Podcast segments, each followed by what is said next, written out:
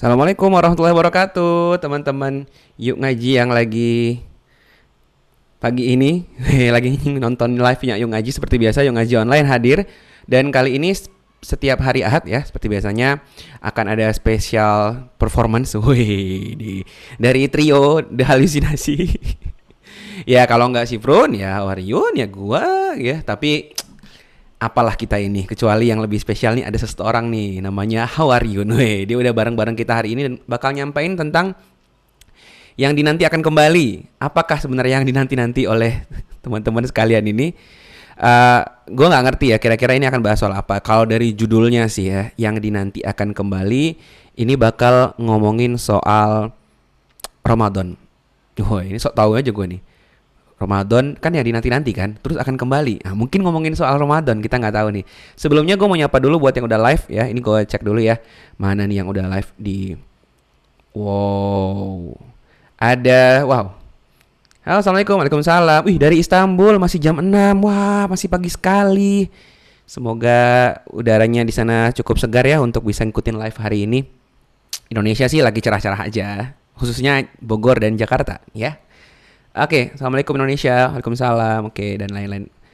Wow, udah mulai bermunculan teman-teman hadir dan lain-lain. Wow, ada yang langsung opening langsung ngasih saran nih, belum apa-apa nih ya. Saran kak, buat uh, materinya adalah target persiapan Ramadan. Wadidaw, ya.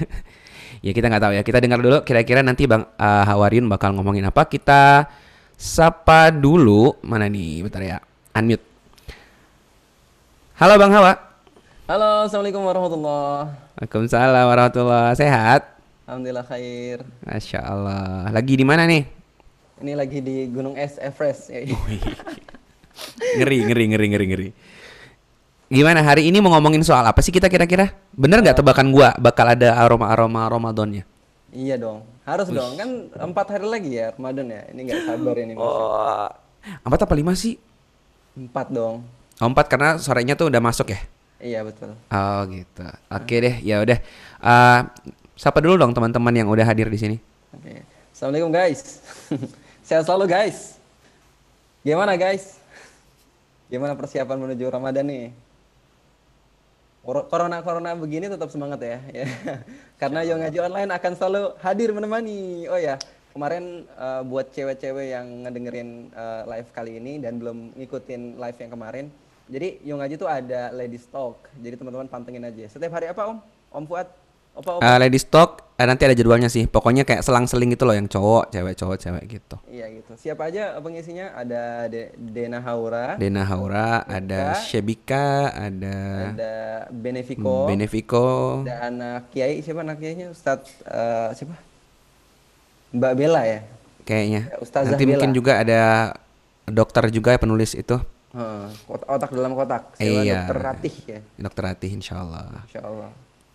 Jadi stay tune. Ya, pantengin terus IG Yung Ngaji. Ya. Iya. Jadi buat yang sudah muak dengan muka-muka kami, uh. ya, ini ada yang seger-seger yang baru nih, yang ibaratnya bisa uh, apa namanya sehati lah dengan teman-teman. Khususnya kan Yung Ngaji banyak kan perempuan ya. Uh, betul. Mm -mm. Jadi mungkin bahasa perempuan akan lebih kena gitu daripada iya, kita ya nggak sih?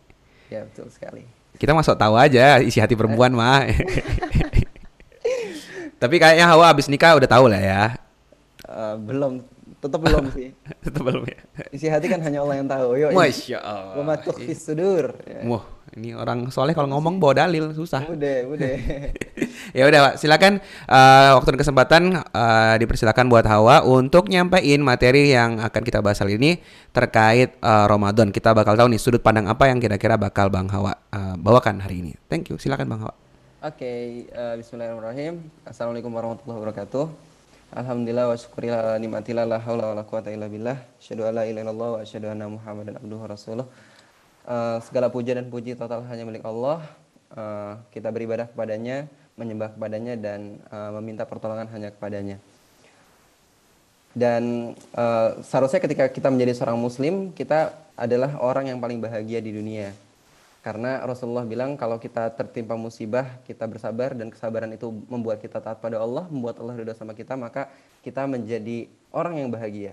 Kalau kita mendapatkan sebuah kenikmatan, kita bersyukur dan dengan syukur itu kita bisa uh, taat pada Allah.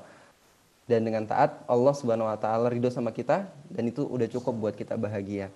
Nah, karena orang yang syukur dan sabar itu nggak mungkin bisa bersyukur dan nggak mungkin bisa bersabar kalau dia nggak tahu misalnya nikmat yang dia dapetin dari mana. Dan ketika kenikmatan itu kalau dia tahu itu dari Allah dia bakal tahu ini harus disalurin ke mana harus disalurin ke tempat yang baik tentunya. Karena dia sadar bahwa sumalatus alun idzin anin naim semua nikmat-nikmat yang dia peroleh itu pasti akan dimintain pertanggungjawaban. Begitupun juga dengan kesabaran. Kalau kita ditimpa musibah kalau kita ditimpa uh, apa ya sesuatu yang enggak enak gitu ya itu kalau seorang muslim dia bersabar dan dan kalau dia nggak uh, dia nggak mungkin bisa bersabar kalau uh, dia nggak tak kalau dia nggak tahu siapa yang memberi cobaan itu. Dan Allah subhanahu wa taala memberikan cobaan itu nggak lain nggak bukan karena Allah sayang. Uh, kita tahu ya kalau kita baca sejarah para nabi sejarah para rasul orang-orang yang paling berat cobaannya itu adalah mereka asyaddu balaan ala anbiya maka Uh, tapi Nabi juga termasuk orang yang bahagia. Karena kenapa? Karena uh, mereka mengikuti Al-Quran dan As-Sunnah. Uh, wala khaufun alaihim walahum yahzanun. Dan semoga saja ketika kita uh, bersabar dan bersyukur itu menjadi uh, apa sih kebiasaan kita dalam menjalani, menjalani hidup ini, maka semoga kita meninggal dalam keadaan husnul khotimah. Amin. Dan kita akan mengatakan seperti apa yang dikatakan para ahlul jannah, alhamdulillahilladzi hadana lihada wa ma kunna linahtadiya laula an hadanallah. Segala puji bagi Allah yang telah menunjuki kami kepada surga ini dan kami sekali-kali tidak akan mendapatkan petunjuk kalau Allah nggak memberi kita petunjuk. Ini adalah kata-kata ahlul uh, ahlul jannah ketika mereka memasuki surga mereka mengatakan ini. Seandainya uh, Allah nggak nunjukin kita, kita nggak mungkin bisa di surga Allah. Nah, jadi kita selalu mohon kepada Allah agar Allah subhanahu wa taala menunjuk, menunjuki kita jalan kebenaran. Dan uh, salah satu cara uh, dan salah satu uh, permintaan kita yang kita ulang setiap hari ihdinas siratal mustaqim ihdinas siratal mustaqim.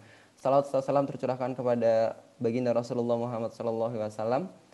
Uh, beliaulah sang pembawa rahmat panglima terhebat uh, dan beliau adalah inspirator. Uh, beliau adalah uh, apa ya idola harusnya. Harusnya menjadi idola uh, idola kita. Karena kalau kita ngelihat ya orang-orang uh, zaman sekarang itu kita sulit banget nemuin orang yang bisa ahli dalam banyak bidang gitu. Orang yang ahli dalam satu bidang aja itu bisa ahli setelah bertahun-tahun mereka tuh uh, ngumpulin atau nggak berjuang untuk bisa ahli dalamnya. Tapi Rasul itu ahli dalam semua bidang. Kalau kita uh, lihat ya peng ahli pengobatan siapa? Rasulullah SAW.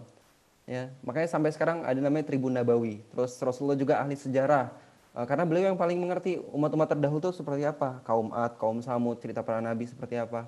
Terus ahli militer, beliau juga ahli psikolog. Wah, pokoknya apa pun bidangnya kalau kita me, kalau kita mengumpul apa sih ya, menekuni bidang itu, kita bakal bisa menemukan bahwa yang paling ahli di bidang itu adalah Rasulullah SAW. Rasulullah tuh bintangnya di situ.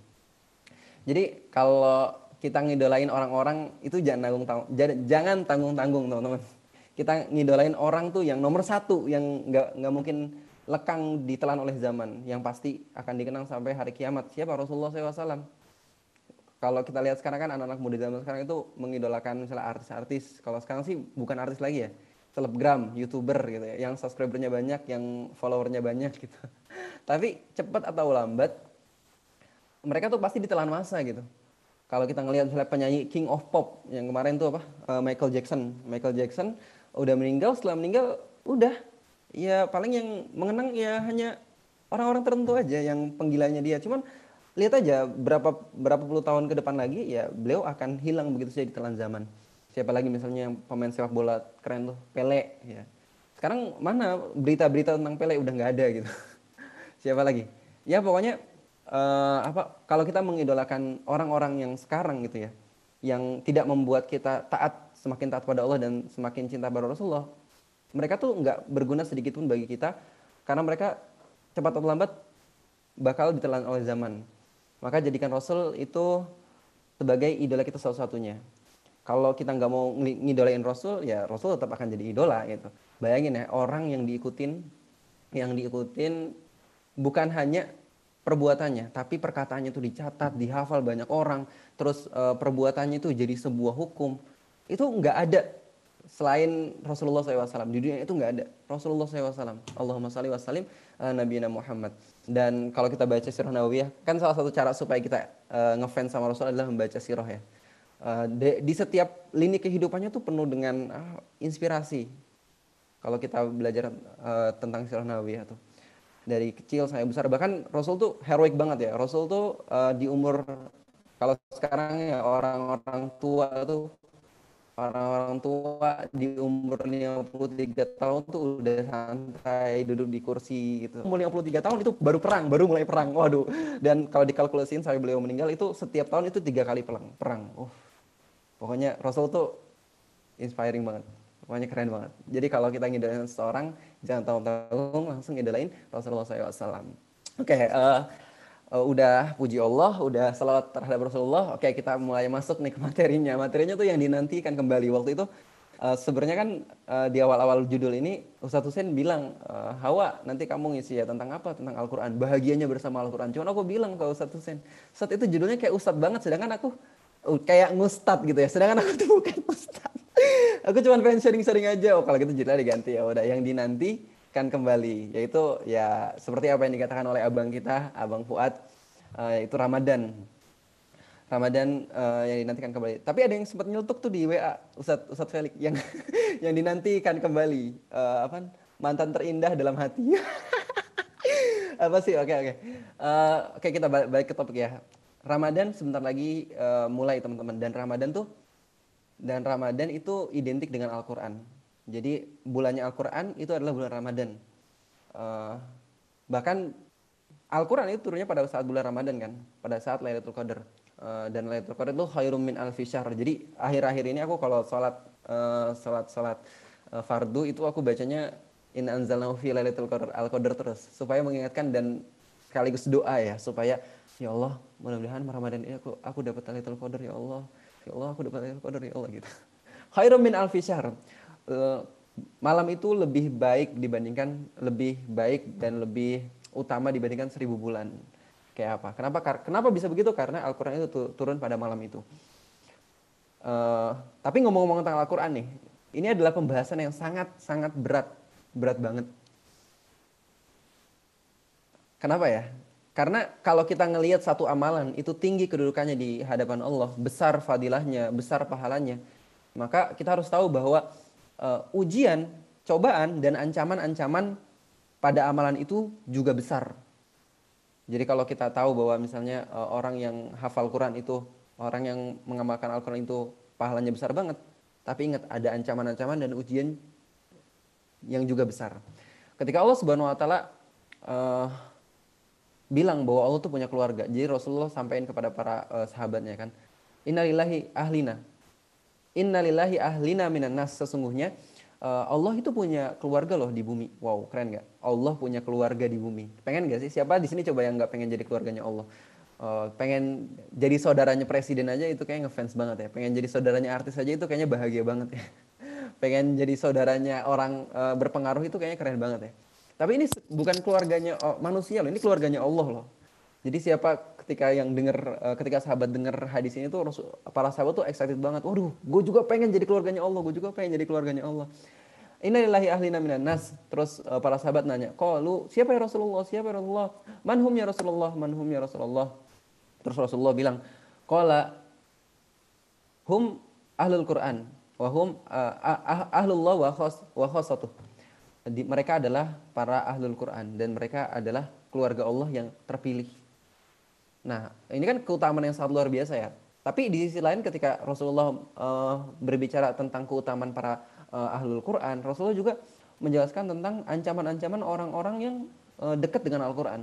Orang-orang yang uh, apa ya uh, melazimkan diri terhadap Al-Quran. Kayak misalnya, teman-teman sering nggak sih dengar ustadz-ustadz tuh uh, ceritain kepada kita bahwa orang penghuni pertama yang masuk neraka tuh ada tiga Siapa yang pertama? Yang pertama tuh kori.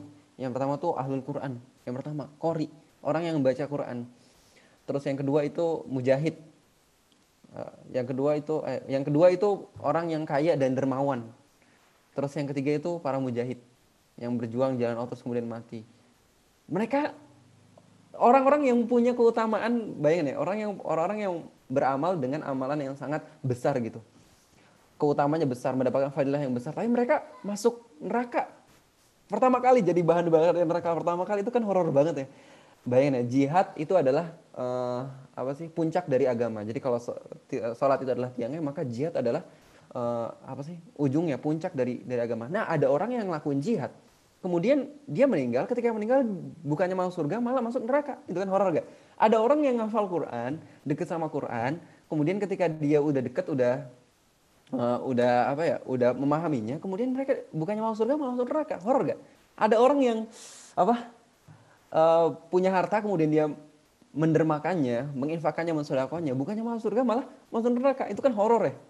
Horor banget. Bahkan sampai bahkan di surat Al-Jumu'ah Allah bilang laula akhartani ila ajalin qarib fa wa akum minas salihin.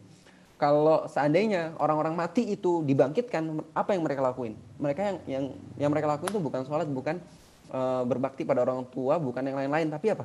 Tapi fasaddaq fakum salihin. Dia akan bersodakoh, dia akan berinfak maka berinfak ini adalah suatu keutamaan yang besar, pahala yang besar, fadilahnya gede banget itu. Tapi kenapa tiga orang ini yang me, yang ngelakuin apa ya amal yang sangat besar ini malah di awal-awal di pertama kali ya orang yang masuk neraka kan horor gitu.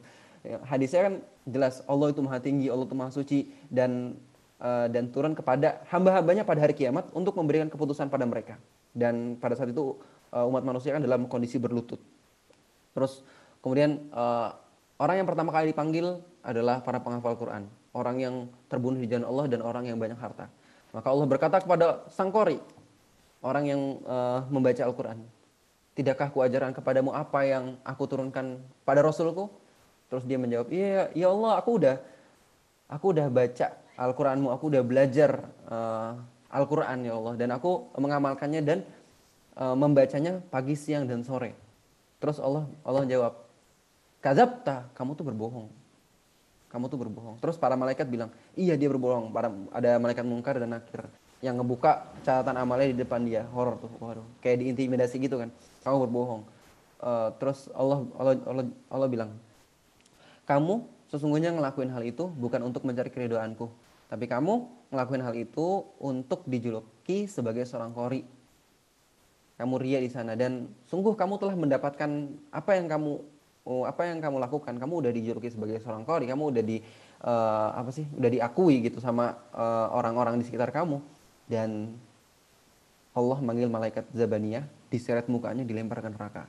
Itu yang pertama. Terus Allah manggil lagi uh, para apa didatangkan lagi orang yang punya banyak harta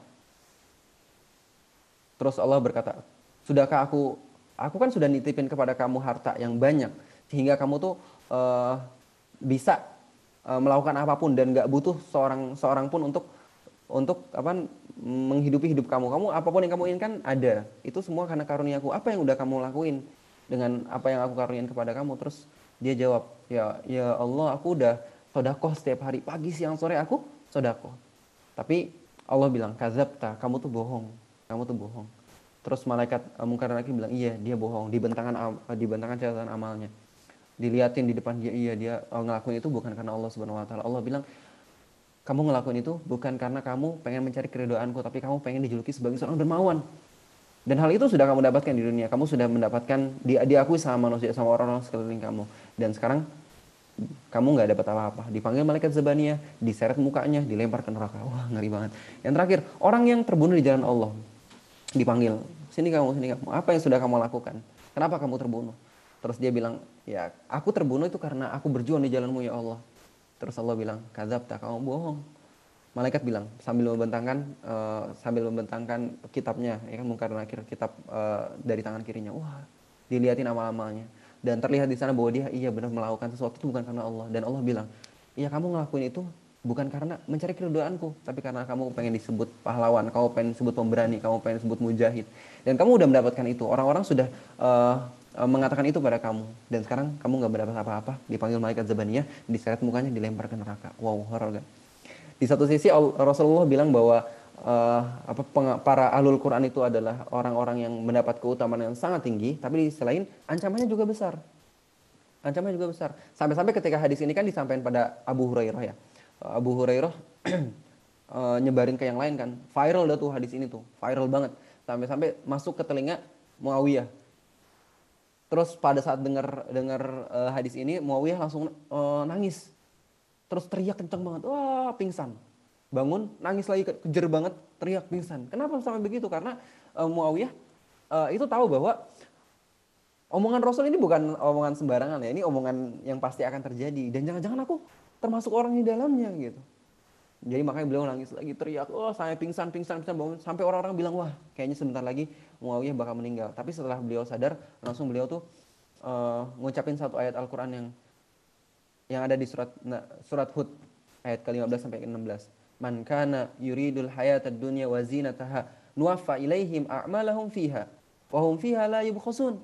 Barang siapa yang menghendaki kehidupan dunia dan perhiasannya, saya kami berikan kepada mereka balasan pekerjaan mereka di dunia dengan sempurna beserta perhiasan-perhiasannya dan mereka nggak akan dirugikan. Jadi kalau kita beramal nih, terus kemudian kita niatnya pengen dapat apa yang ada di dunia aja, kita nggak mengharapkan doa Allah, Allah bakal kasih itu.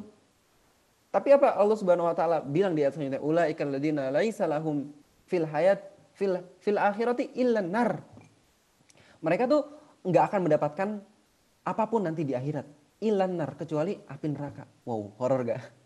Wahabi ma sana'u fiha obatilum makanu ya'malun dan mereka tuh uh, usaha yang mereka lakukan itu nggak uh, menghasilkan kebaikan dan uh, pekerjaan mereka tuh nggak uh, nggak membuat mereka lebih baik.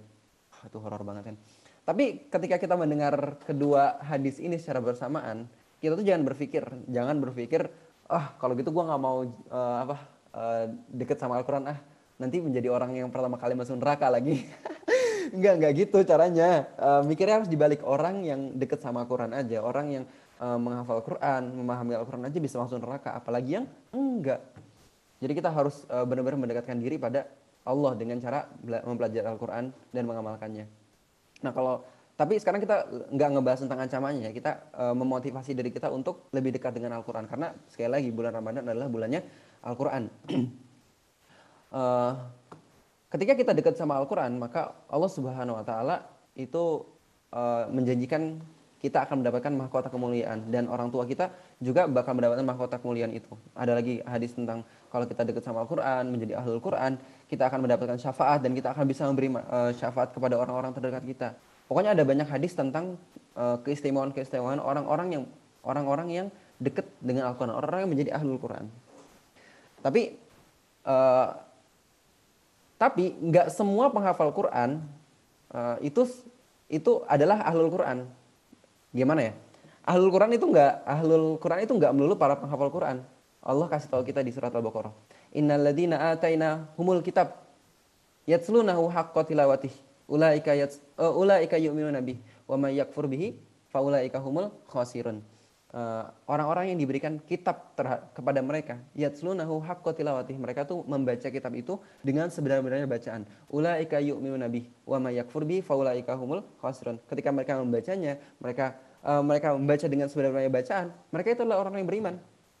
Wa may yakfur dan siapa yang ingkar faulaika hum faulaika humul khasirun dan mereka adalah orang-orang yang rugi.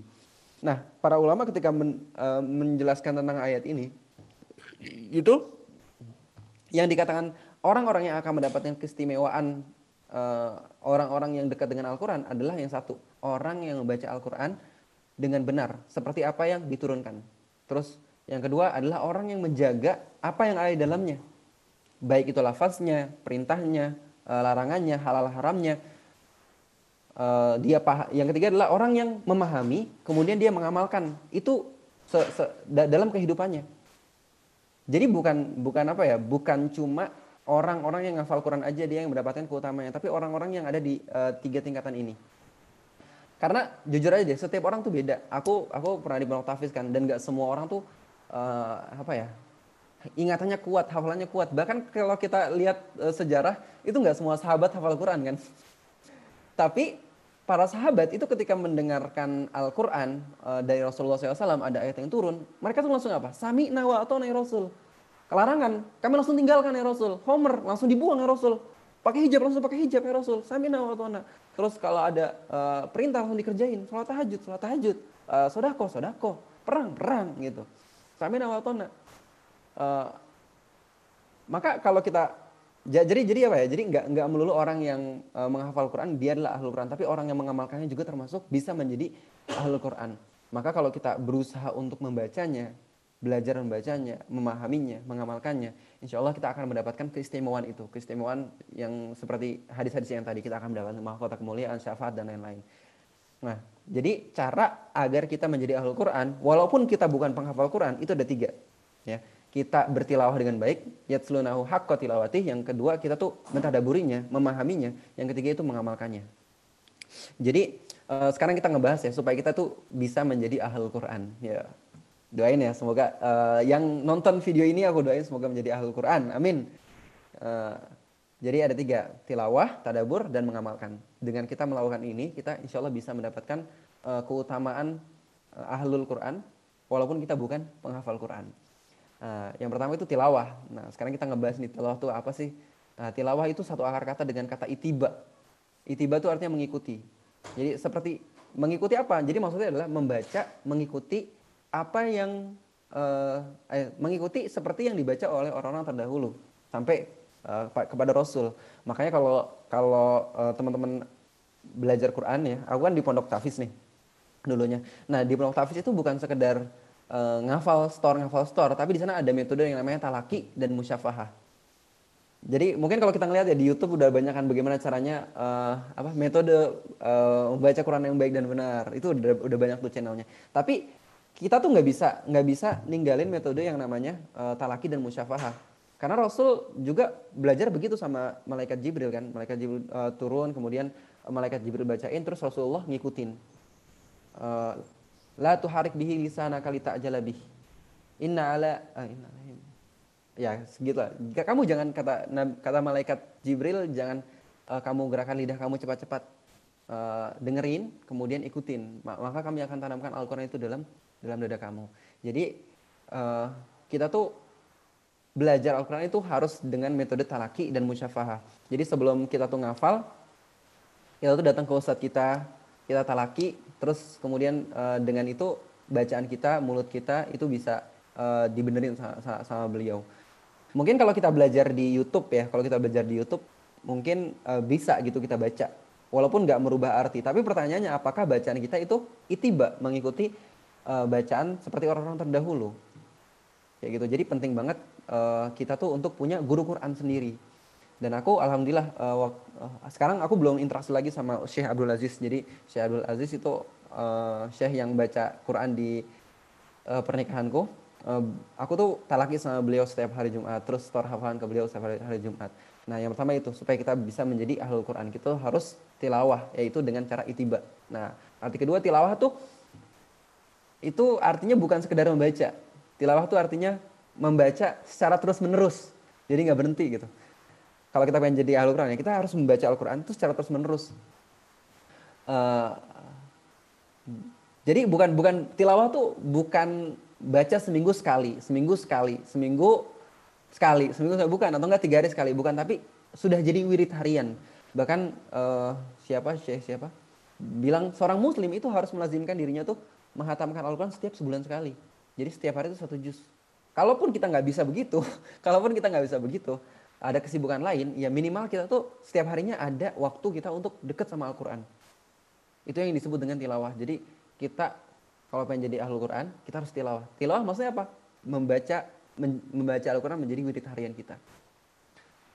Uh, terus yang ketiga, tilawah itu artinya adalah membaca dengan kaidah yang sempurna dan dengan hafalan. Jadi sebisa mungkin ya kita ngafalin lah, ngafalin. Uh, mulai dari juz, juz amma, mulai dari surat-surat pendek. Itu insya Allah mudah diingat dan udah sering kita dengar kan. Berusaha, kita berusaha ingat. Walaupun nggak 30 juz, tapi kalau kita uh, berusaha untuk menghafalkan, diniatin, insya Allah kita bakal mendapatkan uh, pahala niatnya kok. Jadi uh, yang penting niat aja dulu, niat aja dulu gitu. Ada hadis kan banyak yang menceritakan bahwa orang-orang yang uh, ketika dia niat itu sudah mendapatkan pahala niatnya. Seperti pahala ketika dia melakukannya. Wow, keren banget ya. Jadi banyakin niatnya yang baik. Nah, jadi yang pertama itu tilawah Al-Quran. Yang kedua supaya kita bisa menjadi ahlul Quran walaupun kita bukan penghafal Quran, kita harus mentadaburi, harus memahami Al-Quran, harus uh, ngerti apa sih yang Allah Subhanahu Wa Taala pengen dari kita lewat lewat Al-Quran. Karena Al-Quran itu kan bukan uh, bukan sekedar bacaan ya, maksudnya Al-Quran itu diturunin itu bukan hanya untuk dihafal, tapi Allah bicarakan secara jelas dan berulang-ulang bahwa Al-Quran itu lihat baru ayatihi untuk ditadaburi, untuk dipahami. Nah, sekarang kan kita nih belum bisa nih. Aku aku sendiri belum belum bisa untuk mentadaburi Al-Qur'an. Maka caranya gimana? Datengin kajian-kajian, uh, datangi ustadz-ustadz.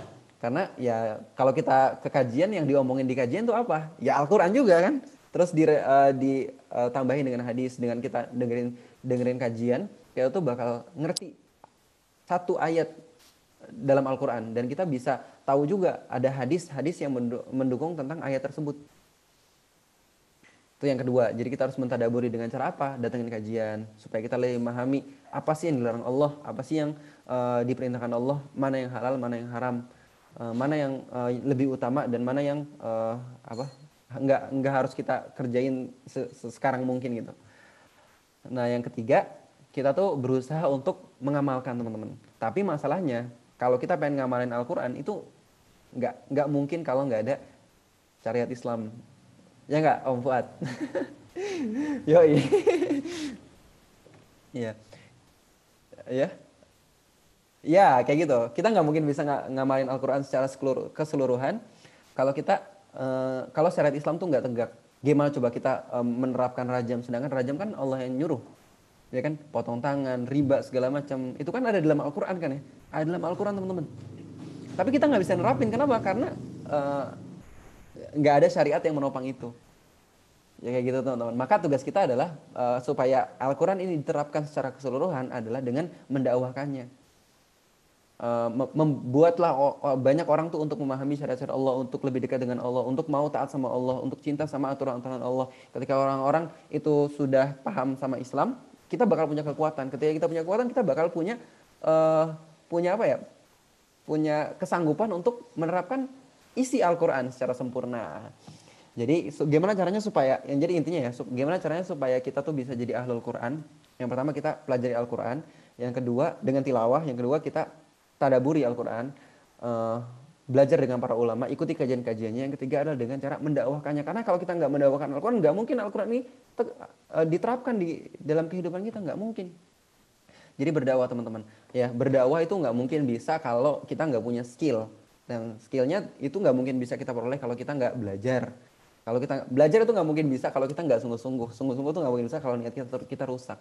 Jadi intinya kalau kita pengen menjadi ahlul Quran, yuk kita dakwah teman-teman. Dengan dakwah orang-orang akan semakin cinta sama Allah. Ketika banyak orang yang sudah cinta sama Allah, syariat Islam bisa tegak. Ya mungkin itu ya. Jadi amalan yang paling uh, harus kita lakukan di bulan Ramadan ini adalah mendekatkan diri pada Al-Quran. Dengan cara apa? Banyak baca, mentadaburi, dan mengamalkan. Barakallah.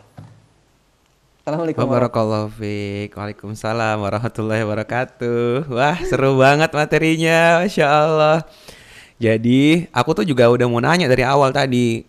Ini mumpung mau Ramadan, jujur gue tuh masih jauh ya dari kata halul Quran. Eh, ini ini ini ini serius. Gue tuh, uh, duh, uh, baca Quran itu masih jarang banget gitu. Jadi ketahuannya tuh kalau udah misalkan baca lagi terus paling ya kalau mingguan ya Al-Kahfi kayak gitu-gitu aja. Jadi nggak rutin khataman tuh nggak ada. Makanya gue kayak kepengen banget ini Ramadan jadi momen nih buat bisa deket lagi sama Quran, balikan sama Quran. Nah, gue mau nanya tadi caranya gimana? Ternyata emang itu materinya ya.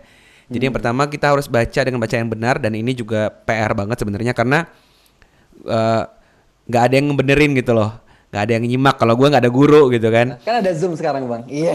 Oh iya kita ya. bisa cari kita bisa uh, request oh iya. berarti nanti gue minta diajarin sama Hawaryun ya? Bukan bukan bukan. Mungkin nanti uh, Yo ngaji akan buat kelas khusus tahsin ya sama Syekh Abdul Aziz. Yo eh boleh boleh boleh boleh Iya boleh boleh boleh. ikut kan nih teman-teman nih? Yoi. Iya, coba teman-teman uh, chat di bawah situ. Ada yang mau ikut nggak? Nah, kalau ada kita adain. Uh, apa namanya?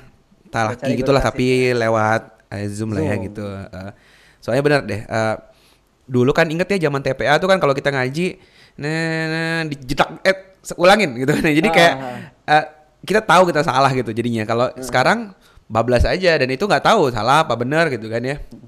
Nah, terus yang kedua tadi, oh ya masih bagian yang pertama juga membaca nggak cuman yang benar tapi juga harus rutin ya. Iya betul. Setiap hari itu berat sih menurutku karena uh, yang belum terbiasa ya. Bagi yang udah terbiasa, insya Allah ringan. Tapi buat yang belum terbiasa itu awalnya pasti berat banget. kalau aku sih tahu pernah dapat saran yaitu udah dibaca aja dulu mau sambil ngantuk kayak mau sambil sesempetnya yang penting dibiasain baca gitu.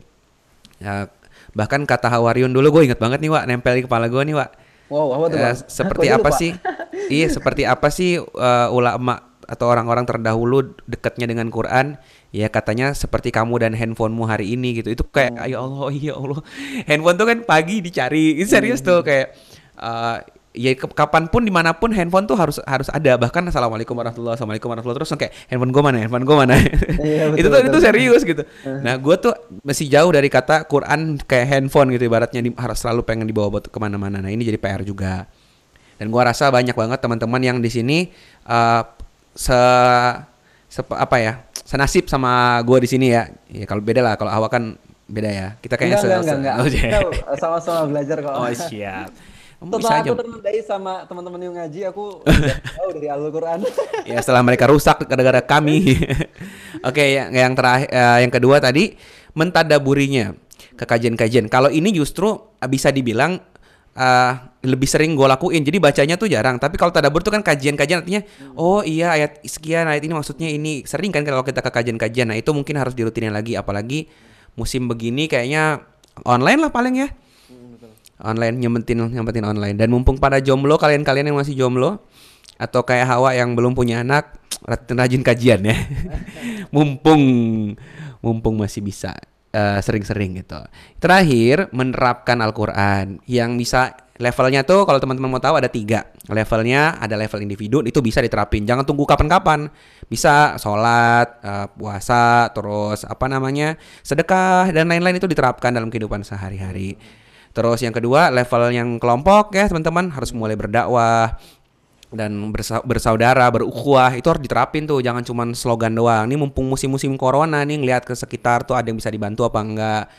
Mulai tuh kemarin gua sama istri lagi diskusi tuh kita beliin apa ya buat eh, kayak tukang-tukang sampah lah yang lewat di depan atau apa. Ya banyak lah ini kesempatan kita untuk praktekin Quran di level eh, mungkin kelompok gitu ya. Dan juga nanti ada yang di level lebih besar yaitu eh, level peradaban. Di mana di situ Islam nggak cuman sebagai slogan tapi juga orang bisa ngeliat, uh gila ya negara kalau Islamnya gede itu kayak begini tuh jadinya indah banget gitu. Nah semoga semua itu bisa.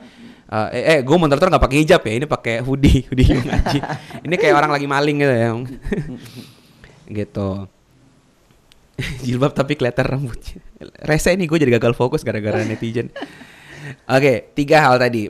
Nah, eh, banyak yang nanyain, eh, wah ini gimana nih link zoomnya mau ikut masuk ke zoom? Kalau gue sih khusus untuk pagi hari ini. Nanti kalau yang link zoom malam aja ya. Kalau ada sesi yang malam. Kalau pagi ini kita fokus mau bacain live chat. Soalnya kasihan kalau zoomnya langsung eh, teman-teman yang live chat kadang sering diabaikan. Nah, Oh iya iya. Nah betul, sekarang betul. kita mau lihat yang live chat Ada yang mau nanya apa ini ya Eh lu nanya Bukan ngomentarin pakaian gua Nah ini gua buka deh Netizen ini bener-bener dah ya Allah ini. Tunggu kita Coba lihat Bertaubatlah Mas Fuad Oh Sifrun Ya Sifrun ngerusuh di sini bro Bukannya gabung Kesian banget. Iya tuh harus gabung. Coba tarik tarik sini. Susah dia. Dia tidak bisa diajak ya. Oke. Eh, Wak, ini ada yang nanya dia teknis nih, Wak. Dan ini juga pertanyaan gua sebenarnya teknis. Dari Hawariun, gimana tipsnya menghafal Quran? Jadi gini, di banyak kan berseluaran di luar sana tips triknya ada versi apa, versi apa. Kalau Hawa sendiri yang lu ini nih orang awam nih gua nih, Wak. Gue pengen hafal Quran. Pertama, caranya gimana? Ini kalau gua dulu dapatnya dari eh, salah satu ustadz, dia suruh ngebaca 20 kali per ayat sampai lancar terus kemudian merem 20 kali. Ya, itu tuh versi beliau. Kalau lu mereka pengen tahu aja lu tuh pakai cara yang seperti apa. Yang kedua, mulai dari mana yang paling mudah buat kita? Apakah juz 30 kah atau surat-surat terpilih kah atau ini dari mana nih kira-kira starting pointnya? Oke, eh, jadi secara teknis ya gimana cara ngafal? Kalau ah, menurut aku sendiri ya, eh, aku sebenarnya mencari bagaimana caranya eh, menghafal Quran lebih cepat dan lebih cepat, lebih cepat lagi. Tapi ter- aku termasuk orang yang menghafal Quran tuh nggak cepet. Aku tuh harus pahamin dulu artinya, baru aku bisa hafal. Kalaupun aku hafal gitu ya, itu cuman mungkin hanya di mulut aja. Jadi baca misalnya 20 kali, merem 20 kali, kemudian uh, baca lagi merem lagi baca lagi merem lagi baca sambil merem melek gitu sambil dilihat gitu. Hmm. terus abis itu langsung store store hafalan gitu ya. Itu mungkin akan akan bisa gitu cuman beberapa jam kemudian itu bakal lupa. Dan aku nggak pengen kayak gitu aku pengen benar-benar memahami Al-Quran ini kayak apa. Makanya uh, mungkin ini versi aku ya. Yang pertama yang kamu harus tahu yang pertama yang kamu harus pupuk adalah uh, kamu harus tahu dulu nih keutamaan menghafal Quran apa. Keutamaan menghafal Quran apa. Karena jujur aja manusia kan itu kan oportunis ya. Manusia tuh oportunis manusia tuh baru mau ngelakuin sesuatu itu kalau dia tahu manfaatnya buat dia kalau tahu keuntungannya buat dia apa. Dan Allah ngasih itu ke kita. Allah janjiin surga gitu. Eh eh, Allah nyuruh kita untuk puasa zakat taat bertakwa gitu. Kalau kamu ngelakuin ini Allah bilang apa? Kamu dapat surga loh itu kan wah, itu manusia banget gitu. Dia baru mau ngelakuin sesuatu kalau dia tahu manfaatnya. Nah kalau kita pengen ngafal Quran yang pertama harus kita lakuin adalah kita harus tahu keutamaan-keutamaan apa aja yang kita dapat ketika kita ngafal Quran. Ya. Yang kedua yang pertama yang kedua nih ya. Yang kedua benerin dulu bacaannya. Karena ngeri banget ya banyak banget orang yang udah ngafal ngafal Quran nih. Ngafal Quran tapi pada saat dia store gitu atau enggak pada saat aku dengar bacaannya oh itu banyak banget yang eh, salah dari mulai tajwidnya hapekatnya uh banyak banget yang salah. Makanya dibenerin dulu bacaannya. Makanya ada ada ada yang nanya kan penting mana menghafal dengan membaca Al-Quran? Menghafal itu hukumnya sunnah tapi kalau membaca dengan baik dan benar itu hukumnya wajib. Jadi yang harus diutamakan terlebih dahulu adalah bagaimana caranya kita membaca dengan baik dan benar. Dan itu harus butuh guru Nah, ketika kita bacanya udah baik dan benar, fokus ya, fokus ke bacaan yang baik dan benar. Ketika kita bacanya udah baik dan benar, itu insya Allah bakal gampang hafalnya. Metode metode eh, secara teknisnya sebenarnya banyak banget dibahas sama orang-orang dan metode orang tuh beda-beda loh, beda-beda. Ada yang eh, baca beberapa kali udah bisa, ada yang memahamin artinya dulu, ada yang baca dari bawah ke atas gitu, ada yang dibaca setengahnya dulu dari setengah bawah setengah atas gitu. Beda-beda, silakan teman-teman explore sendiri karena nggak nggak semua orang sama gitu. Dan aku juga termasuk orang yang beda. Aku dipahamin dulu, aku baca berapa kali dulu, aku pahamin, aku bu- buka beberapa tafsir, kemudian aku berusaha ngaitin satu eh, satu ayat dengan kisah atau apa gitu. Setelah aku punya referensi tentang ayat ini, baru aku baru aku eh, hafalan aku baru ngelekat gitu. Terus yang kedua, tadi apa yang kedua bang? Pertanyaannya, yang pertama teknisnya, yang kedua Starting pointnya kira-kira dari kayak surat apa tuh belakang dulu, depan dulu, apa surat terpilih dulu dan lain-lain gitu. Heeh. Eh, jadi kalau aku sih ya diutamakan membaca eh, menghafal dari surat-surat yang pendek dulu karena jujur aja secara mental juga itu kita lebih enak gitu. Tapi kalau kita mulai dari Al-Baqarah itu kayaknya ya Allah ini kapan selesai gitu dan ayatnya panjang-panjang gitu. Dan dan banyak ustadz-ustadzku juga itu kalau kita masuk ke pondok tahfiz pasti yang disuruh hafal tuh juz 30, juz 28, juz 29, juz 28, juz 27. Minimal 5 juz di belakang. Setelah 5 juz di belakang udah baru mulai dari juz depan. Itu aku sih, itu aku. Di, dan di pondok aku ya, di pondok orang kan beda-beda. Dan sesuai dengan apa ya, eh, psikologi orang-orang Arab zaman dulu. Orang-orang Arab zaman dulu kan eh, sebelum dia apa eh, diturunkan ayat-ayat ayat-ayat tentang hukum itu kan ayat-ayat yang panjang-panjang tuh. Nah, eh, diturunkan di Mekah tuh ayat-ayat mak- makiyah tentang keimanan dan keimanan itu ada di juz 30 juz 29 tentang keimanan, memupuk keimanan tentang eh, hari surga indahnya seperti apa, neraka tuh kejamnya seperti apa, balasan bagi orang-orang yang mengingkari ayat Allah. Itu lebih tajam di hati gitu. Wow. Jadi mulai dari belakang aja dulu saran aku nih. Ya, masya Allah ya. Soalnya ini gua barusan beli papan tulis nih wajah. Wah, Jadi buat gua apa udah Bang? menjelang target-target Ramadan sama istri. Waduh. Jadi kayak mau ngapain aja gitu. Kita kan nggak mau kalah sama Hawa, sama Dena Oh, iya. sih. Harus ter- harus bersemangat gitu. Nah, terus kita ada tuh, Wak, pokoknya kita harus mulai ngafal ya, tapi ngafal dari mana gitu. Oh, gitu. terus ya sekarang oke berarti jus 30 menarik dia dikelarin. Heeh. Oke. Atau 30 jus? Wah, langsung. Oke, eh, nah Wak, selain eh, terkait ini ada yang nanya juga nih karena mau Ramadan nih. Target lu yang kira-kira lu bisa share di Ramadan ini apa nih yang lu bareng Dena udah eh, obrolin dan kira-kira Ramadan ini kita ngelakuin hal ini yuk yang mungkin itu di bulan-bulan sebelumnya eh, Ramadan Ramadan sebelumnya nggak nggak lu sempat lakuin gitu. Oh gitu. Iya, eh, target-target sebenarnya kita udah susun sejak lama tuh. Kita juga ada papan tulis di sini. Papan tulis kaca kita beli satu Asik. meter, satu setengah meter gitu.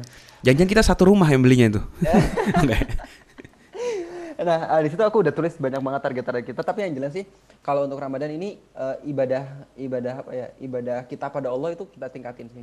Dari mulai eh, baca Qurannya, tapi eh, Dena kan juga butuh bimbingan dalam eh, membaca Al-Quran ya karena ada beberapa beberapa udah baik bacaannya cuman harus ada yang diperbaiki jadi aku sama Dena eh, itu talaki dan musyafahah itu dirutunin terus kemudian eh, kemudian sholat tahajudnya berusaha. Walaupun aku bilang ke ke, ke Dena kamu nggak boleh tidur kalau belum sholat witir gitu. Satu rokat yang penting kamu sholat witir gitu. Karena gimana ya oh, kalau kita pengen menjadi orang yang eh, beda deh eh, beda orang yang ber orang yang apa ya yang berpengaruh orang yang spesial maka kita harus juga harus menjalankan amalan-amalan spesial. Dan amalan orang-orang spesial adalah sholat tahajud salah satunya mereka tuh nggak nggak pernah naf- naf- lepas lepas. Bahkan pada saat Rasulullah SAW itu eh, dalam dakwah ngerasa sulit Rasulullah nggak eh, Allah nggak nyuruhin untuk untuk yang lain-lain tapi untuk sholat. Kumil laila illa qalila nisfahu awinkus minhu qalila auzid alaihi waratil qur'ana tartila. Inna alaika sanulki kaulan sakila baru ketika eh, Rasul ngejalanin ngejalanin apa? Sholat tahajud itu baru Allah bakal kasih eh, Rasul kaulan sakila perkataan-perkataan yang bisa merubah perka- perkataan yang bisa berpengaruh. Kalau kita pengen berpengaruh pengen jadi spesial maka lakukan sholat tahajud. Dan itu aku paksa Dena untuk ngelakuin itu. Udah sholat udah sholat witir belum? Minimal witir ya satu rakaat. Ya, kalau malas ya tiga rakaat kan minimal kan ya. Kalau nggak kalau malas satu rakaat masa iya satu rakaat nggak bisa? Allahu akbar gitu kan. Alhamdulillah baca wajibnya aja ya. Uh, Rahmanirrahim Al-Fatihah selesai ruku bangkit langsung sujud salam udah selesai gitu. Ya kan? Kan uh, setelah Al-Fatihah kan sunnah kan ya masa begitu aja berat sih ya Allah emang ngabisin berapa waktu sih. Iya iya iya iya. iya. Gitu. jadi uh, pertama emang kita de- mendekatkan diri dengan Al-Quran Mhm. perbaiki uh, Al-Quran terus kemudian kita sholat sholat tahajudnya dikencengin Oke, itu ya teman-teman ya. Ah, yang mau kepo Bang Hawa ngapain aja nanti di Ramadan, yang paling inti itu adalah ngebenerin bacaan Quran, ya. Dan yang kedua adalah eh, tahajud, ya. Itu harus Ya, dibiasain. aku challenge juga sih soalnya kan banyak banget hafalan-hafalan aku yang hilang gitu Hmm, gara-gara kita ya, gara-gara kami kami nih ya. Gara-gara si Frun. Hmm, tapi setelah kan gini ya, kita tahu ya. Jadi dulu bang, aku kan eh, di pondok.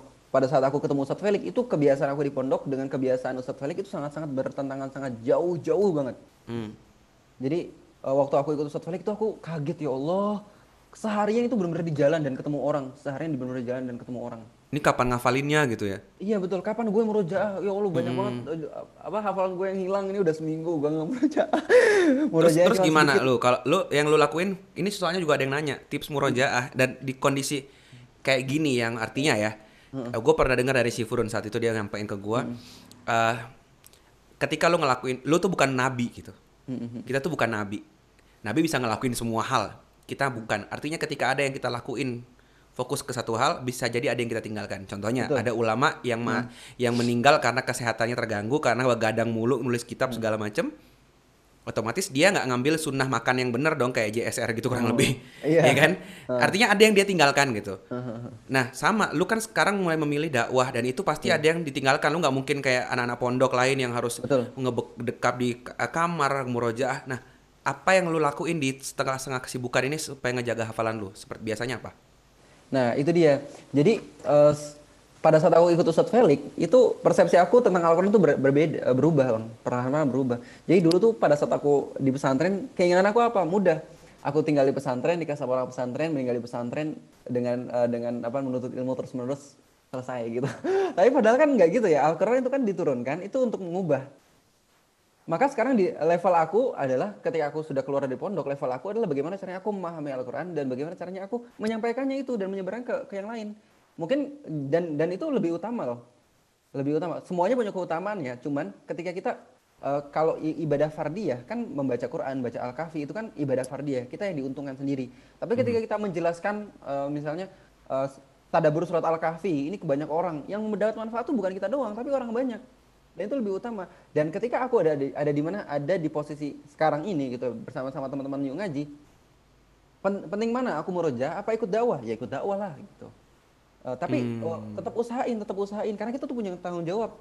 Te- gue tuh harus tetap eh, ngejaga hafalan gue. Gue harus tetap interaksi sama Al-Quran loh setiap harinya itu Iya iya, berarti emang ada prioritas ya di mana lu kan sudah pernah menghafal Quran dan itu untuk diri sendiri. Betul. Sekarang saatnya umat butuh lu dan Betul. lu lagi dipilih oleh Allah untuk gabung di ngaji dan ini momennya lu untuk berkhidmat sama umat gitu orang lebih ya.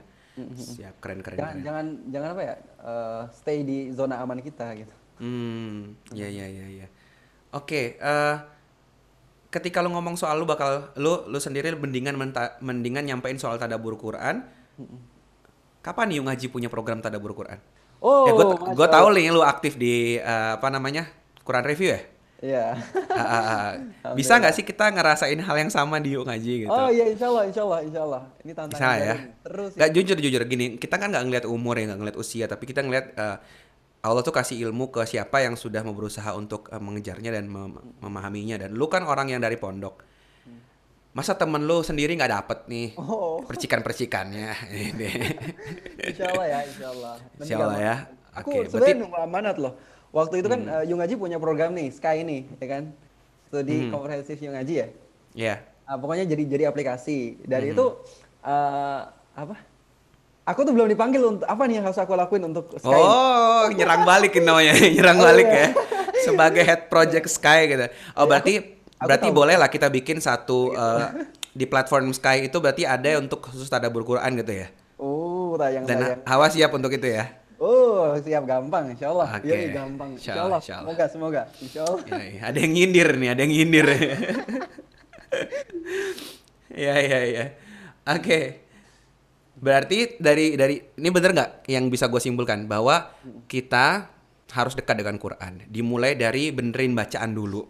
Betul. Ya, jadi sebelum kita fokus ngafal dan lain-lain, benerin dulu bacaannya. Sebentar gue fokus. Ah, nah, untuk bisa benerin bacaan perlu guru, Mm-mm. gitu ya. Carilah guru, kita talaki, diajarin langsung dengan guru tersebut biar tahu bacaan yang baiknya seperti apa. Setelah itu baru menghafal, membaca dengan benar lalu menghafalkan gitu ya.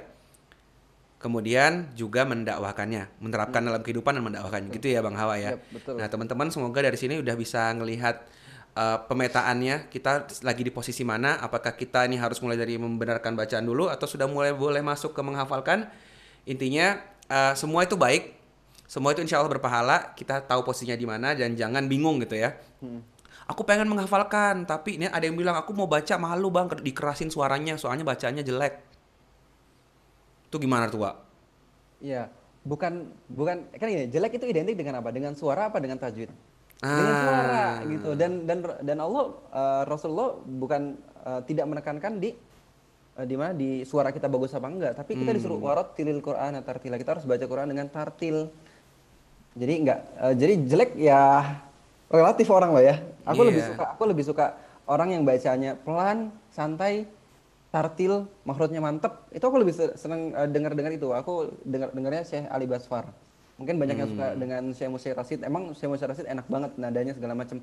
Tapi nggak tahu kenapa karena aku termasuk orang yang belajar tahsin, aku suka juga Syekh Ali Basfar gitu. Padahal pelan dan jarang orang yang suka beliau. pelan tartil gitu. Jadi fokus ke tartil ya, jangan ke suaranya dulu. Oke, berarti bukan masalah wah, fals nggak fals gitu ya, Iya, kayak betul. penyanyi gitu. Iya, iya, iya. Mm-mm. Yang penting bacaannya benar gitu.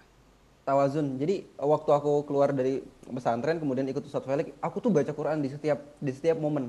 Jadi pada saat naik mobil aku baca Quran, pada saat eh, ketemu orang aku baca Quran, di kafe aku baca Quran, kemudian di jalan aku baca Quran, aku berojaah begitu. Dan Ustadz Felix bilang, kamu nggak menempatkan sesuatu pada tempatnya. Coba bayangin ya, di kafe, kemudian kamu baca Quran, kita lagi ngobrol, kamu kamu baca Quran, kamu buka Quran.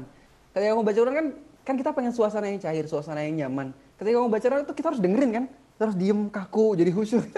Paham gak sih? Sedangkan kita tuh di kafe tujuannya adalah untuk mendekatkan hati, saling memahami, menyatukan chemistry gitu kan, Eh, berdakwah agar orang agar orang yang kita ajak eh, interaksi ini mau eh, gabung dakwah sama kita gitu kan malah baca malah aku baca Quran di situ. Itu situasi yang sangat tidak tepat. Bahkan ngerinya ya. Ini yang diomongin sama Bang Sifrun bener. Bener bener Bang. Waktu itu ada Ustadz Abu Somad kan satu mobil sama sama Ustadz Felix ya kan ingat gak ceritanya Iya, tahu gue. ya kan Eh, Iya. supaya suasana cair kan di setel lagu kan ya lagunya lagu Iya. nasyid gitu kan Eh, hmm, gitu kan Oh. terus aku ganti Iya. aku ganti Quran coba waduh gila depan Ustadz Somad dan Ustadz Felix Antum siapa? Kiai dari mana ya? Jadi emang benar harus tawazun gitu teman-teman. Jadi ketika ada eh, harus tahu kondisi supaya orang-orang tuh nggak nggak ngelihat kita aneh. Jujur aja deh. Dulu tuh orang-orang yang eh, masuk Juna eh, dan teman-temannya itu ketika aku main sama mereka, mereka tuh ngeliat aku aneh. karena ya gimana sih? Ya lu nggak bisa asik lu. Ya lu Iya tiba-tiba sih. gitu, tapi da- tapi sekarang alhamdulillah aku udah mulai luwes gitu. Udah mulai oh paham uh, kondisi dan situasinya. Dan, dan kondisi uh, sikap seperti apa yang harus aku ambil. Alhamdulillah udah paham. Nggak gulu gitu Siap, siap, siap. Insya eh malah jauh ke mana lagi nih Enggak, tapi benar benar benar. Itu itu masih masih berliputi soal Quran dan adab-adabnya juga kan sebenarnya. Oke, jadi ada pertanyaan juga nih, gimana gimana caranya biar nggak baca Quran nggak ngantuk? oh gitu caranya oke tapi emang ya Al-Quran itu adalah obat ngantuk paling mujarab Serius loh. ya Allah Gue pikir gue ngerasa gitu hanya karena gue nggak deket sama Quran aja. Tapi emang Ya. ternyata emang gitu. ada juga gitu pasti teman-teman kalau teman-teman ke pondok tahfiz itu banyak yang tidur juga pada saat ngafal Iya loh, bener bener bener. bener. Aku aku dulu tinggal deket pondok tahfiz anak SMP. Itu tuh kayak sering banget lagi sholat gitu ya. Terus pada ngelendot ngelendot gitu deh. Ketiduran ya Allah anak-anak santri sambil ngafal gitu loh sambil megang Quran gini gini atau tidur gitu. tapi emang lelah banget sih bang ngafal Quran tuh apa nguras otak banget nguras energi banget bang. Dan itu yang pertama ya. Eh, yang, pertama sebenarnya setan bang. Setan. Oh. setan tuh nggak pengen kita tuh da- lama dalam ketaatan. Ya pasti uh, yuwaswisu fi sudurin nas ya kan? Eh, godain kita dengan cara apa pun dengan cara ngantuk segala macam itu yang pertama setan. Yang kedua eh, emang kalau kita ngafal atau nggak baca Quran itu kan butuh konsentrasi yang tinggi. Yang ketiga karena kita tuh nggak paham artinya. Salah satu yang membuat aku tuh eh, apa ya termasuk betah gitu ya dalam menghafal Quran ketika aku tahu artinya, aku tahu maknanya. Itu benar-benar setiap kata itu dinikmatin. Ya gitu. Jadi kalau kita pengen eh, long last berhubungan dengan Al-Qur'an, interaksi sama Al-Qur'an, kita berusaha untuk paham artinya gitu. Dan paham artinya itu nggak mungkin bisa kita lakuin kalau nggak belajar bahasa Arab. iya sih. Iya. iya sih benar sih. Hmm. gue pernah cerita juga, gue tuh waktu pernah satu kali taraweh gitu ya. Gue kan nggak bisa bahasa Arab ya. Satu kali taraweh. Gue gue pernah mondok setahun gitu. Jadi kayak ada bahasa Arab standar-standar yang dasar-dasar yang gue ngerti sedikit. Tiba-tiba kayak ayatnya dibacain dan gue pas tahu satu kalimat itu doang. Bagaimana kamu bisa kufur kepada Allah padahal Dia yang menghidupkanmu lalu mematikanmu lalu menghidupkan kamu kembali dan seterusnya itu loh. Ayat itu itu nangis gue. Jadi memang benar ternyata kalau kita tahu tuh jadi ini ya lebih relate sama apa yang disampaikan di Quran tersebut ya. iya betul. Kalau sisanya kan kita main amin-amin aja nggak tahu ini bahasa Arab, doa apa Quran nggak. Apalagi misuh ya kan. iya, ini ini ngomong apa sih? Woi, amin aja lah amin gitu ya. iya iya iya benar benar. Oke, eh ada yang lagi. Oh iya, ciri-ciri kita tuh udah disebut ah ciri-ciri kayak aku nih kayaknya udah cinta sama Quran apa enggak? Taunya dari mana sih, Bang? Oh gitu. Eh, sebenarnya itu adalah sesuatu yang nggak perlu kita tanyakan. Hmm. Iya. Iya nggak sih? Jadi, lucu aja gitu ketika ada orang berjihad. Ya. Gue setelah berjihad bos. Ya, itu lucu aja ketika ada orang yang ngafal Quran. Gue ahlul Quran bos gitu. Itu Iya, eh, iya, iya. bukan di posisi kita. Jadi eh, apa ya? Kita fokus sama amalan kita aja. Udah cukup. Kalau kita oh gue udah udah udah apa?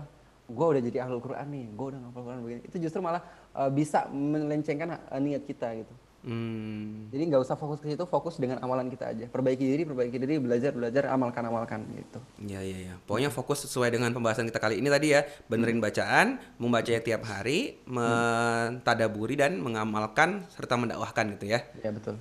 Oke, siap. Wah, aku dengerin aja langsung berkaca-kaca, masya Allah. Ini ada tukang lemari kaca di sini ya. Apalagi kalau teraweh aku nangis. Oh, pada nangis Oh. nggak ngerti artinya. Oh nangis itu karena nggak ngerti artinya. Iya iya. Karena nggak ngerti artinya. ya Allah. Iya iya iya. Oke. Eh, kesimpulan dong, Wak, untuk apa yang bisa kita ambil hari ini. Karena ini udah jam 11. Oke. Jadi kesimpulannya teman-teman, Ramadan ini bulannya Al-Quran Eh, dan Al-Quran itu eh, salah satu hal yang membuat eh, kita mulia. Ya, karena jelas saja ya, Nabi yang paling mulia di antara para Nabi adalah Nabi Muhammad. Terus kitab yang paling mulia di antara semua kitab adalah Al-Quran. Al-Quran itu diturunkan pada bulan yang mulia yaitu bulan Ramadan. Diturunkan juga pada malam yang mulia itu malam Lailatul Qadar. Terus pada nabi yang mulia, udah semuanya. Pokoknya semua da- dalam Al-Qur'an itu mulia. Jadi kalau kita deket kalau kita pengen mulia, maka dekati Al-Qur'an dan Ramadan ini adalah momen kita untuk lebih dekat dengan Al-Qur'an. Jadi maksimalin interaksi kita dengan Al-Qur'an di bulan Ramadan ini. Barakallah. Assalamualaikum warahmatullahi wabarakatuh. Waalaikumsalam warahmatullahi Udah aku tutup. wabarakatuh. Iya, jadi tadi ya maksimalkan mumpung lagi mau Ramadan ini ya Allah semoga bisa berjumpa Ramadan dan semoga bisa kali ini jadi ada yang beda nih di Ramadan kali ini ya semakin dekat dengan Quran dong harusnya. Amin ya robbal alamin. Oke teman-teman eh, itu aja perjumpaan kita hari ini. Jangan lupa buat teman-teman sekalian yang suka dengan videonya di subscribe ya di like juga dan nanti setelah video ini sudah offline dan bisa ada kolom komentar ramein tuh dengan kolom komentar biar kita bisa tahu aspirasi teman-teman. Kita mau bahas soal apa lagi mau bikin kajian-kajian soal apa atau kelas-kelas soal apa. Pokoknya ramein deh kolom komentarnya. Share ke teman-teman kalian semuanya dan sampai jumpa lagi di pertemuan berikutnya ya Wak ya Insya Allah nanti malam ada ya Wak ya Iya.